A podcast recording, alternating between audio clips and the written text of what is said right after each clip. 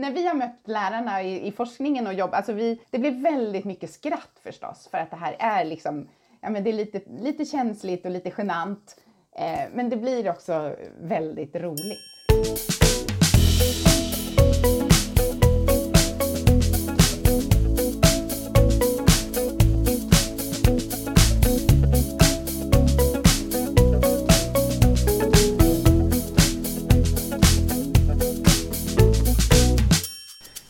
Hej och välkommen till Skolprat, en podd om skola, undervisning och lärande. Vi som är värdar för podden är Karin Rådberg och jag heter Marcus Brunfeldt. Eh, Karin arbetar som biträdande rektor och projekt och utvecklingsledare och jag själv arbetar som biträdande grundskolechef. Idag har vi med oss Karin Gunnarsson och Sara Planting Berglo. Karin är docent i pedagogik vid Stockholms universitet och Sara är doktorand i naturvetenskapernas didaktik vid Stockholms universitet. Karin och Sara har tillsammans med Simon Seder, Lisa Öhman och Auli Arvola Orlander skrivit boken Sexualitet och relationer. Att möta ett engagerande och föränderligt kunskapsområde i skolan som kom ut hösten 2021. Hej Karin och Sara! Varmt välkomna till Skolprat! Hur står det till med er idag? Ja men tack, jätteroligt att vara här och eh, läget är fint. Kul! Hur är det med dig Sara? Det är bara bra här. Härligt! Ja men vi kör igång då. Eh, vi står ju inför en ny läroplan, Lgr 22, eh, och med förändringar som berör läroplanens kunskapsuppdrag. Kursplanernas kunskapskrav och centralt innehåll förändras ju. Men dessutom så förändras läroplanens värdegrundsuppdrag. Till exempel så byter kunskapsområdet sex och samlevnad namn till sexualitet, samtycke och relationer. Och kunskapsområdet breddas också. Så vi tänkte om vi börjar i läroplanens kunskapsuppdrag och värdegrundsuppdrag. Hur hänger de här ihop? Alltså jag säger att jag lämnar med varm hand över till min kollega Karin här. För att det, det, här är ju lite av ditt expertområde, eller hur Karin? Ja, och samtidigt är det ju ett område som är mycket bredare än att bara handla om sexualitet, samtycke och relationer. Så att det, det, det är klart, det ingår ju där, men, men också väldigt många andra frågor. Alltså när värdegrunden infördes Eh, så var det ju ett sätt just att skapa en gemensam hållning eller gemensamma värden som skulle gälla alla på skolan. Så där, då fanns det en ganska tydlig distinktion, har jag uppfattat det som, mellan det som är värdegrundsuppdrag och det som är kunskapsuppdrag. Samtidigt så skulle det där liksom alltid genomsyras. Men, men vi har ju sett då sedan 94 att det här har alla skolor tyckt varit ganska svårt. Det har varit svårt att göra det konkret hur man jobbar med värdegrunden. Och eh, det har ju liksom under de här åren då så har det kommit olika sätt att hantera den där spänningen som, som det där har skapat. Samtidigt så är det ju så att även om de liksom formulerade i olika delar av läroplanen så ska de ju alltid ses som sammanvävda. Och att man som lärare hela i sin undervisning i allt vad man gör i skolans verksamhet ska ha med sig de här värdena som då har fastslagits. Och för de som inte är så jätteinsatta i, i läroplanens värdegrund, vad, vad handlar den om då kan man säga?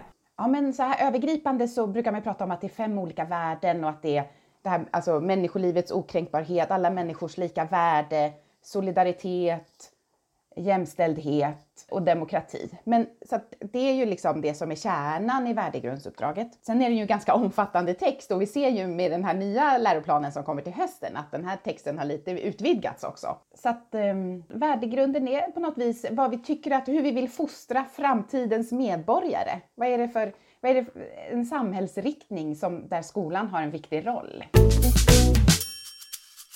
Värdegrundsuppdraget är ju super, super, super viktigt tänker jag. Men lite svårt om jag förstår dig rätt. De här förändringarna som vi står inför nu då när, när Lgr 22 eh, går igång, eller vad man ska säga. Vad handlar de om?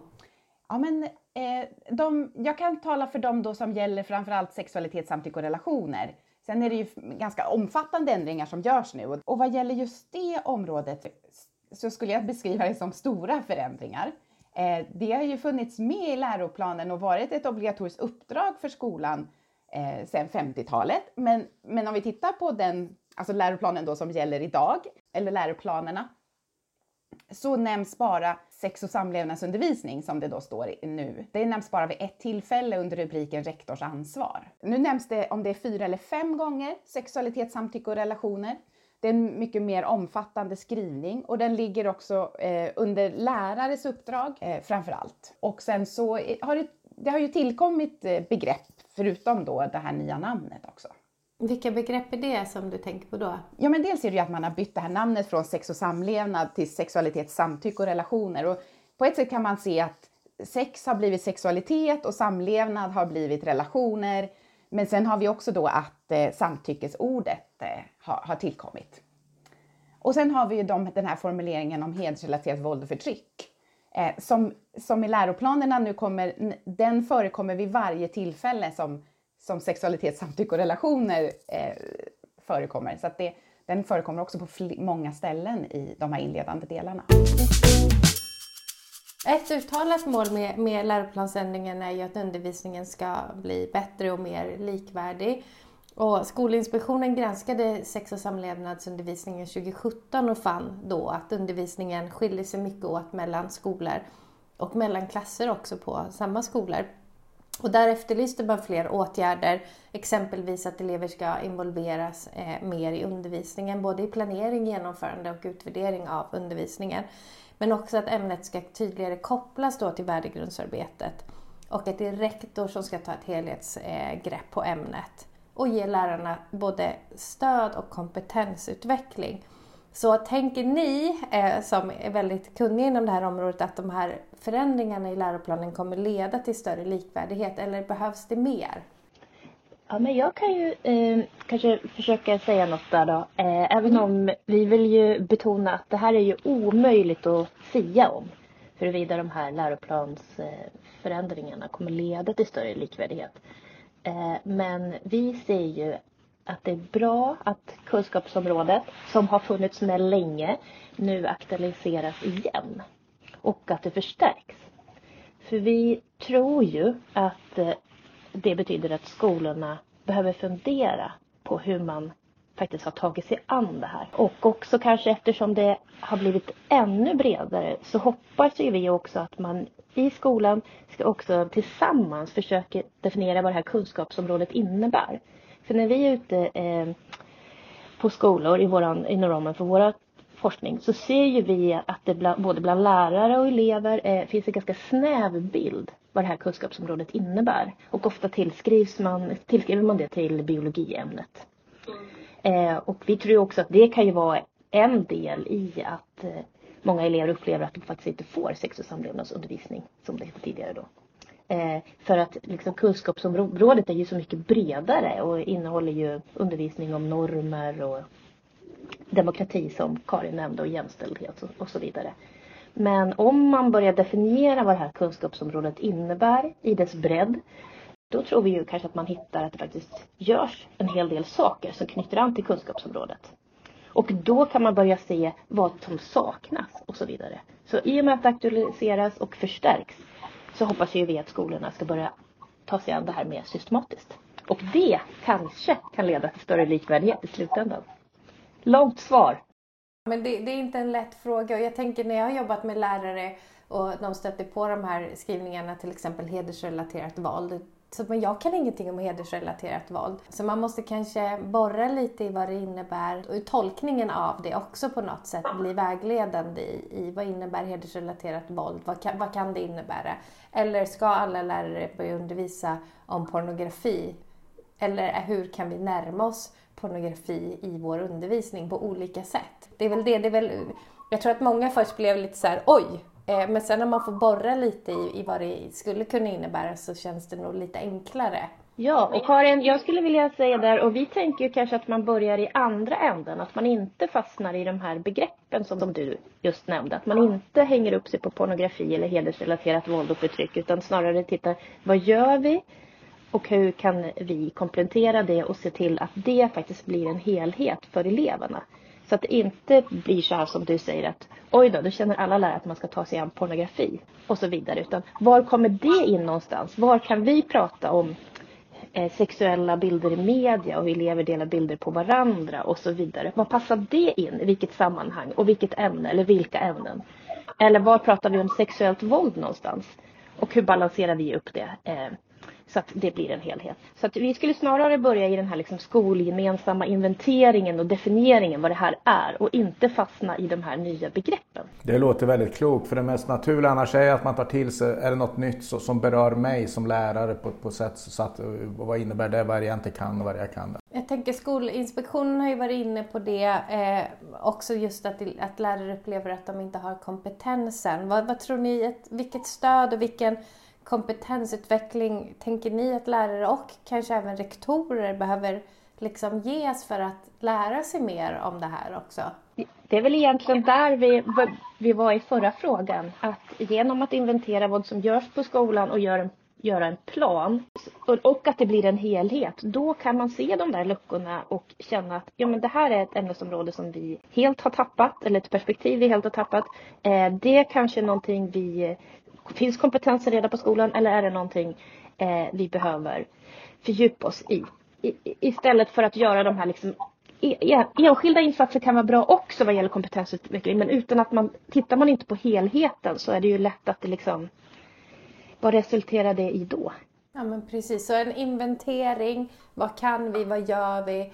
En skolgemensam plan, hur kan vi bidra in helhet och, och, och sen det här kanske vi måste lära oss. Just det, sätta sitt sammanhang och avdramatisera.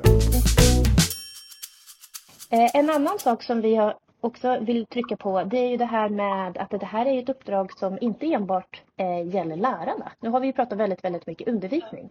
Utan också att eh, det är ju rektors ansvar att involvera eh, skolans personal som helhet. Och vi ser ju också att fritidshemmet eh, och också elevhälsan har ju såklart en väldigt, väldigt central roll i det här hur man kan planera för aktiviteter inom ramen för fritidshemmet till exempel som knyter an till den undervisning som pågår. Eller hur elevhälsan kan stötta både elever och lärare i hur man tar sig an olika situationer som uppkommer i arbetet på en skola under vardagen.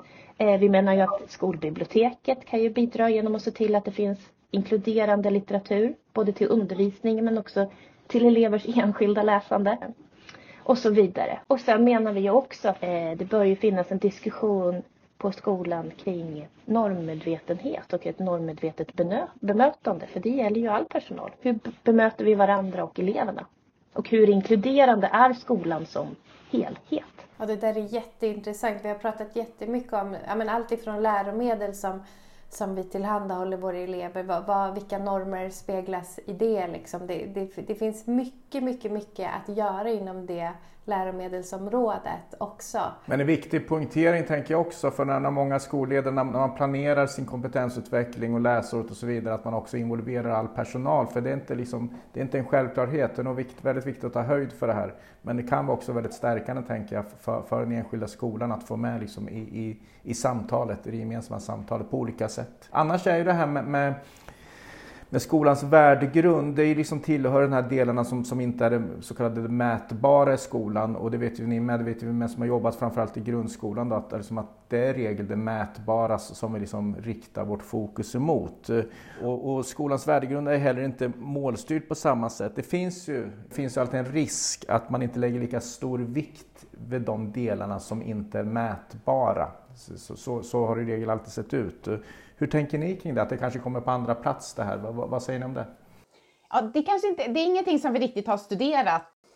När vi har mött skolor så pratar vi om den här spänningen och att vi ser att det är lätt att när man liksom både styr dokumenten och vi tänker att det, det liksom, målet är på något vis just att sammanväva värdegrund och kunskapsuppdrag så ser vi också att det lätt blir slagsida åt det ena och det andra hållet när det kommer just till undervisningen om sexualitet, samtycke och relationer att man har kanske en temavecka kring det här området som blir, som blir mer av ett, ett, ett, liksom ett värdegrundsarbete. Så där kan det ändå få en ganska stor plats, eh, skulle jag mena. Och att där man ibland kan känna så här, nej men nu, nu får det slagsida åt värdegrundshållet. Hur skulle ni kunna sen förankra det i er fortsatta undervisning så att det inte bara blir den där enskilda insatsen som kanske bara håller på i en vecka? Så att, eh, men sen får vi den där, den där eh, temaveckan kring sexualitet, samtycke och relationer, den har vi mött på flera skolor, men den kanske inte heller är, är liksom, den finns ju inte på alla om man säger så. Så att det är klart att, att det här kunskapsuppdraget, ja men, det är ju givet förstås och det är det som kommer sen att i liksom de siffrorna som skolorna ska redovisa och som kommer liksom också sen annonseras ut. Men här finns det ju också väldigt mycket kritik mot att, att det har fått för, stort, för, för stor plats i skolan, just att allt ska mätas. Eh, det är liksom bara det som gäller. Och, eh, ja, då kanske just nu att vi ser också att värdegrunden får även ett kunskapsinnehåll. Men det kunskapsinnehållet får inte eh, mätas eller bedömas. Och då tänker jag, där, det spetsar till det här lite ytterligare. Det gör det verkligen inte enklare. Att om värdegrunden förut handlade mer om det här med bemötande och värderingar, så finns det nu också någonting som eleverna ska, ska liksom möta i undervisningen och ska kunna. Men det ska inte bedömas. Men det brukar ju ta några år, alltså det här med förtrogenheten av en läroplan, hur, hur de olika delarna hänger ihop. Det tar ju regel ett tag. Alltså, eh, nu var det Lgr 11, det, tar, det kommer ta en tio år. Alltså, någonstans där kanske man också får räkna med att förtrogenheten med läroplanen behöver sätta sig genom olika processer för att man ska förstå hur, hur, de, hur det hänger ihop. Så jag tänker nog att, att det är precis som var inne i inledningen av samtalet, att vi, vi behöver vara medvetna om eh, de olika delarna i läroplanen.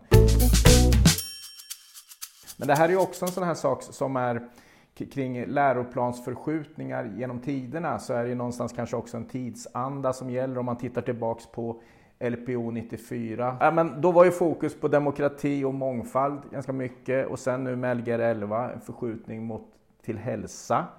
Och tittar vi nu på, på revideringarna som nu blir Lgr 22 så är det ju då ytterligare en förflyttning mot det vi pratar om idag, det vill säga sexualitet, samtycke och relationer. Varför sker de här förflyttningarna nu i tid? 2022? Vi har ju mest varit i skolan och i klassrummet, men, men det är klart att vi också funderar över varför det här kommer och det här har ju varit en ganska lång process och den kanske Alltså, vi, ja, men vi skulle se det då från, från 2017 med Skolinspektionens granskning men också metoo-upproret. Ja, men eh, hela den diskussionen kring sexuella trakasserier där också skolan väldigt mycket sattes i fokus. Och sen har vi samtyck, den nya våldtäktslagstiftningen med, med det som kallas eh, liksom samtyckeslagen eh, som också har kommit i samband med det här. Så att det är väl, det är väl liksom den typen av, av tendenser som, som vi kan se. Men... Men då kanske vi ändå äntligen ligger kanske i fas med tidsandan i sådana fall i läroplanerna. För tidigare har ju liksom ibland skolan fått kritik för att man, liksom, man, man släpar efter lite grann i vad vi, vad vi undervisar om kontra liksom hur det ser ut. Så det, är väl, det är väl jätteintressant att få in det. Ja men precis. För jag läste i den här skolinspektionsrapporten så stod det också att lärare inte kände att de hängde liksom med i vad elever undrar och funderar över kring det här kunskapsområdet. Så det, det kan nog vara så att, att äntligen har vi en läroplan som speglar det faktiskt eleverna behöver fundera kring inom det här kunskapsområdet. Ja, viktiga, viktiga frågor och, och i samhället just nu. Vi har ju varit inne på det, men pornografi och hedersrelaterat våld och förtryck, det, det är ju ord som andas risk. Eh, och det skriver ni också om i boken just att, att det är viktigt att balansera risk och frisk perspektiv. Att, att undervisningen både ska lyfta fram de risker som finns men även den lust, kärlek och glädje som relationer och sexualitet kan innebära. Hur tänker ni kring balansen mellan frisk och riskperspektiv i de nya skrivningarna? Nej men Alltså, jag håller ju med dig om, om, om din beskrivning Karin om att eh, det här, alltså pornografi, hedersrelaterat våld, förtryck och samtycke an, liksom, är, är, frågor, saker som man liksom lätt hamnar i, ett, i en riskdiskussion kring. Vilket man kanske inte behöver göra, men, men det, det är liksom, för, förutom då kanske hedersrelaterat våld och förtryck. Men sen finns det också skrivningar, men de har en liten annan karaktär. Det har också kommit en skrivning om att undervisningen ska nu ser jag om jag kommer ihåg den exakt, det gör jag nog inte. Men undervisningen ska leda till att eleverna får en hälsos, eh, leder till elevernas hälsa och välbefinnande. Och det skulle på något vis då kunna vara som en motvikt. Fast jag tycker samtidigt att den formuleringen har en helt annan karaktär än de här ganska liksom, konkreta sakerna. För att det ska leda till hur ska vi mäta det? Där skulle man ju önska sig någon liknande formulering som det andra kanske, att undervisningen ska behandla frågor om kärlek, lust, njutning eller vad man liksom Men, men en sån formulering finns inte, utan här är snarare att undervisning ska leda till. Och eh, att, att styrdokumenten har det här risk, ja, överslaget mot risk, det är kanske inte heller så konstigt, utan att det finns liksom samhällsproblem som man tänker att eh, skolan ska hantera. Och då blir det just de här problemen som, som man ser som också sen får komma till uttryck på olika sätt i styrdokumenten. Så att på ett sätt är det inte så konstigt att det ser ut så där, men det gör det verkligen inte enklare för en lärare att, att kunna verkligen få med liksom, den mångfald av frågor och tankar och upplevelser som, som rör det här området. Det handlar väl också om vilka perspektiv vi väljer i, i undervisningen om där tänker jag också. Sam, samtycke kan ju andas väldigt mycket friskperspektiv snarare än risk, alltså både och. Ja, och där, samtidigt som det finns en risk att man hamnar i sexuellt våld och sexuella trakasserier. Så att... Ja, men det är viktigt att tänka på, på det, tänker jag, när man går in så att det inte bara blir någonting läskigt och farligt utan också någonting som kan ge mycket glädje och fina saker. Jag är väldigt mycket inne på hur gör vi nu då när vi ska börja jobba med det här, det här konkreta.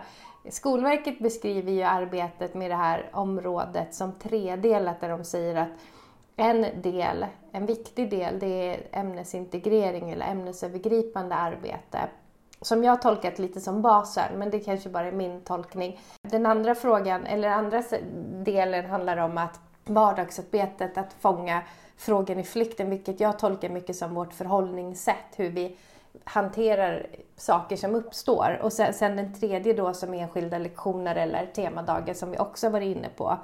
Eh, så återigen, liksom, vi har pratat om att vi ska titta vad vi kan och vad vi redan gör, göra en kartläggning, sen göra en skolgemensam plan. Men kan vi borra lite mer i det här? För det, det, det, är ju en pressad situation på många skolor och lärare som upplever, och rektorer, att man inte har tid. Så hur ska man, kan man göra det här så att det inte blir pluttifierat utan att vi tar det här på allvar men ändå så att vi kan balansera tiden på ett klokt sätt. Har ni några bra tankar där? Jo, men vi vill väl igen eh, betona att det eh, redan görs otroligt mycket på skolor. Eh, vi ser ju till exempel, som Karin nämnde förut, att eh, det är vanligt med såna här enskilda insatser eh, med lektioner eller dagar eller temaveckor. Eh, man bjuder in externa aktörer från RFSU eller RFSL eh, och man besöker ungdomsmottagningar och så vidare.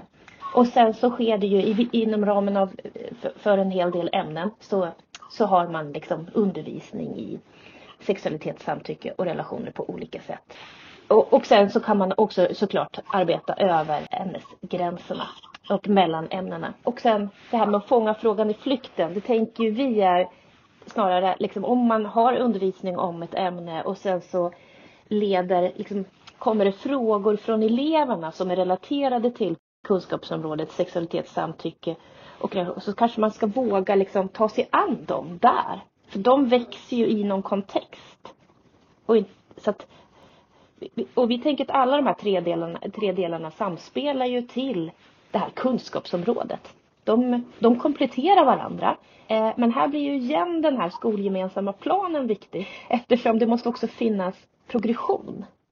Vi har ju intervjuat högstadieelever inför ramen för vårt projekt och de menar ju att de ser att det finns en brist på kommunikation mellan deras ämneslärare och de upplever ju att eh, det oftast är upprepande undervisning och inte fördjupande. Med en sån här plan så kan man ju komma åt en progression och fördjupning Och också att det blir återkommande genom skolåren. Så att synliggöra det som redan görs och sen kunna komplettera istället för att tänka sig att man ska ta sig an ett helt nytt arbete. För det här är ju faktiskt någonting som, precis som Karin sa, att det här har ju skolorna gjort sedan 50-talet. Har ju vi faktiskt haft obligatorisk sex och samlevnadsundervisning.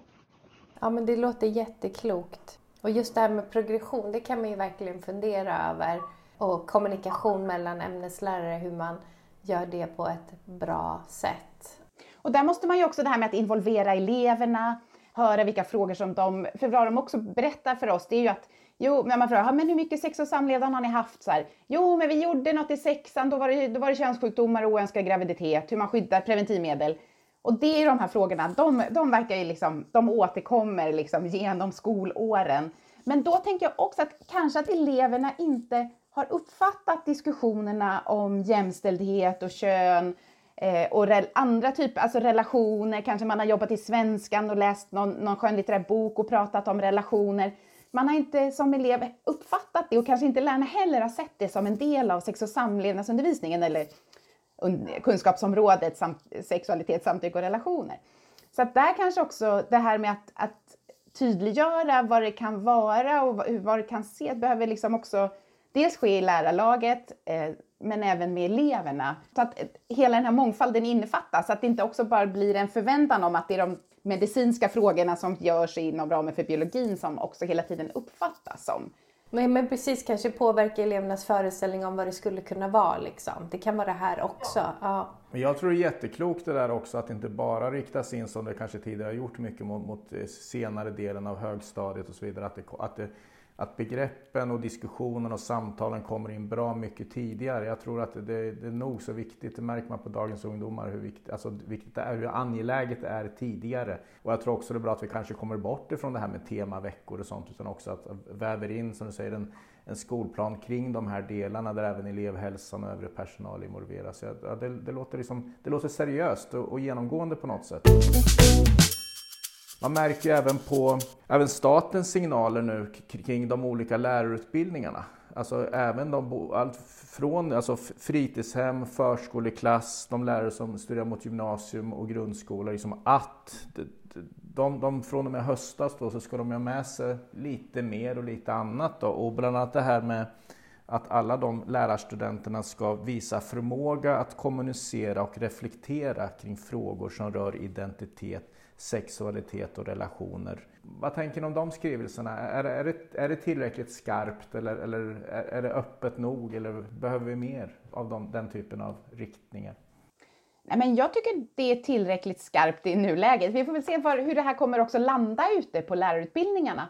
Eh, alltså det är ju trots allt ett, ett, separat examensmål nu som har skrivits in i, till, till lärarutbildningarna. Det har ju funnits tidigare även för eh, lärarutbildningar 4 till 6, men nu är det även i många fler då. Så alla förutom förskollärarutbildningen. Men att eh, Alltså det är återigen det här och som vi lite har varit inne på det här med att det känns som någonting nytt. Det känns som att det är väldigt fullspäckat liksom redan i utbildningen. Det här blir en ytterligare fråga. Är det någonting som ska försvinna?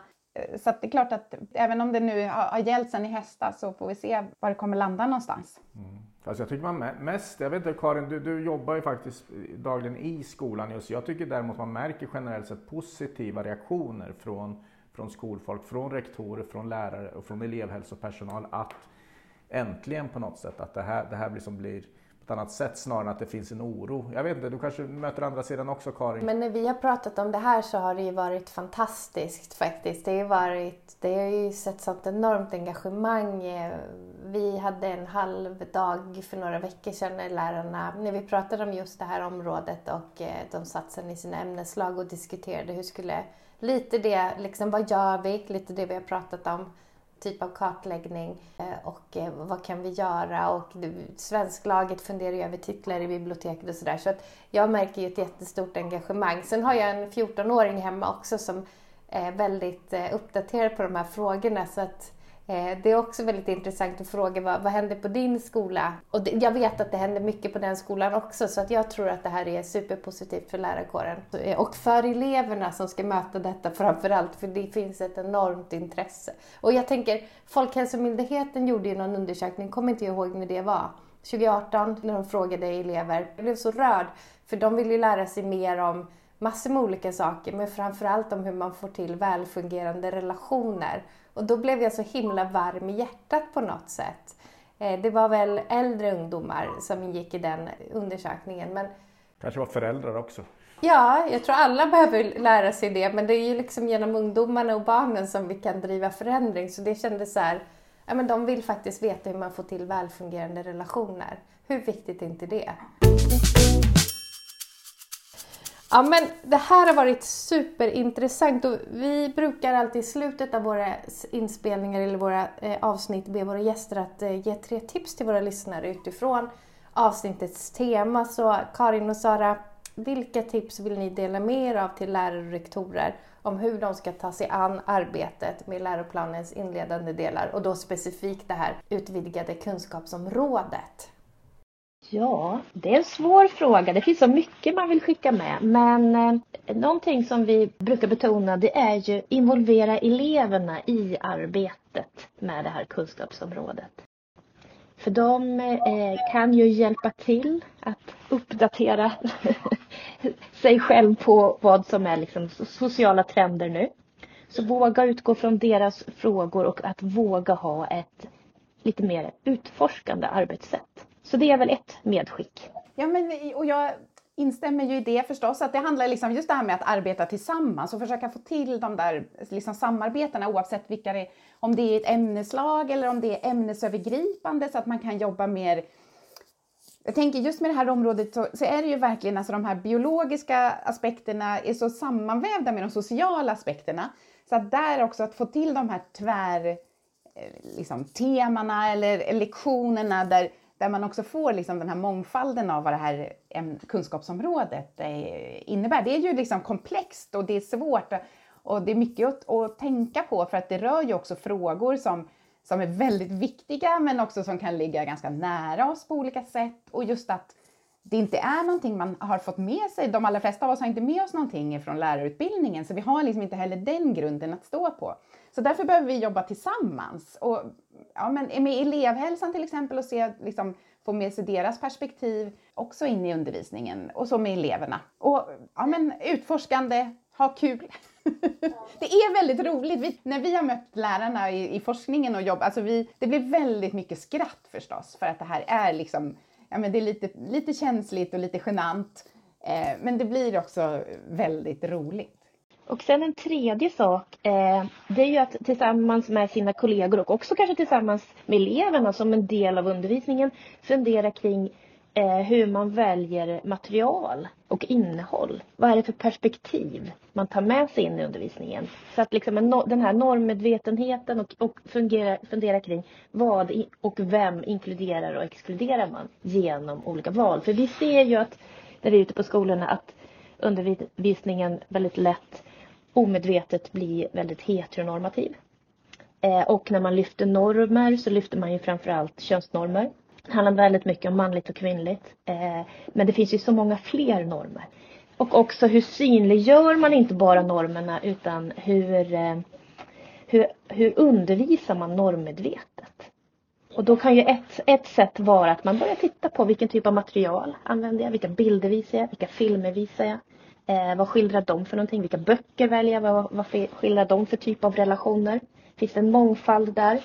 Och det gäller ju såklart både hbtqi-perspektiv men också olika etniciteter. Och det finns ju så himla, alltså metoden, metodmaterialet är ju oändligt nästan. Alltså börjar man titta vad som finns så, så att eh, där, där det är ju väl, och väldigt lättillgängligt för lärare att också ha med sig in som ett stöd. Men, men just det där också att man tillsammans kanske funderar över om, om vi jobbar med den här typen av material, eh, vad, vad, är det för perspektiv då som kommer fra, liksom bli framträdande och vad, vad gör det, skulle det göra för min specifika elevgrupp eller hur, hur kan liksom det här materialet fungera för, för, för mina elever? Och att man gör det tillsammans och kanske testar de, de, vissa av de här eh, metodmaterialen i lärarkollegiet innan man sen kliver in i klassrummet och kör dem med elever. Ja men tusen, tusen tack. Det här var så spännande. Det, det skulle vara spännande att prata vidare om det här om, om, om ett tag liksom och se när, när vi har jobbat med Lgr 22 och se vad, vad har vi lärt oss hittills? Vad ser vi? Vad, ser vi någon effekt av det här? Även om vi inte kan mäta det i betyg. Det skulle vara superintressant. Stort tack Karin och Sara för att ni var med och delade med er av ert kunnande inom det här området. Tack så jättemycket, det var roligt att vara här. Ja, tack för inbjudan. Tack. Skolprat är en podd om skola, undervisning och lärande med oss Karin Rådberg och, och Marcus Brunfeldt på Kunskapsskolan.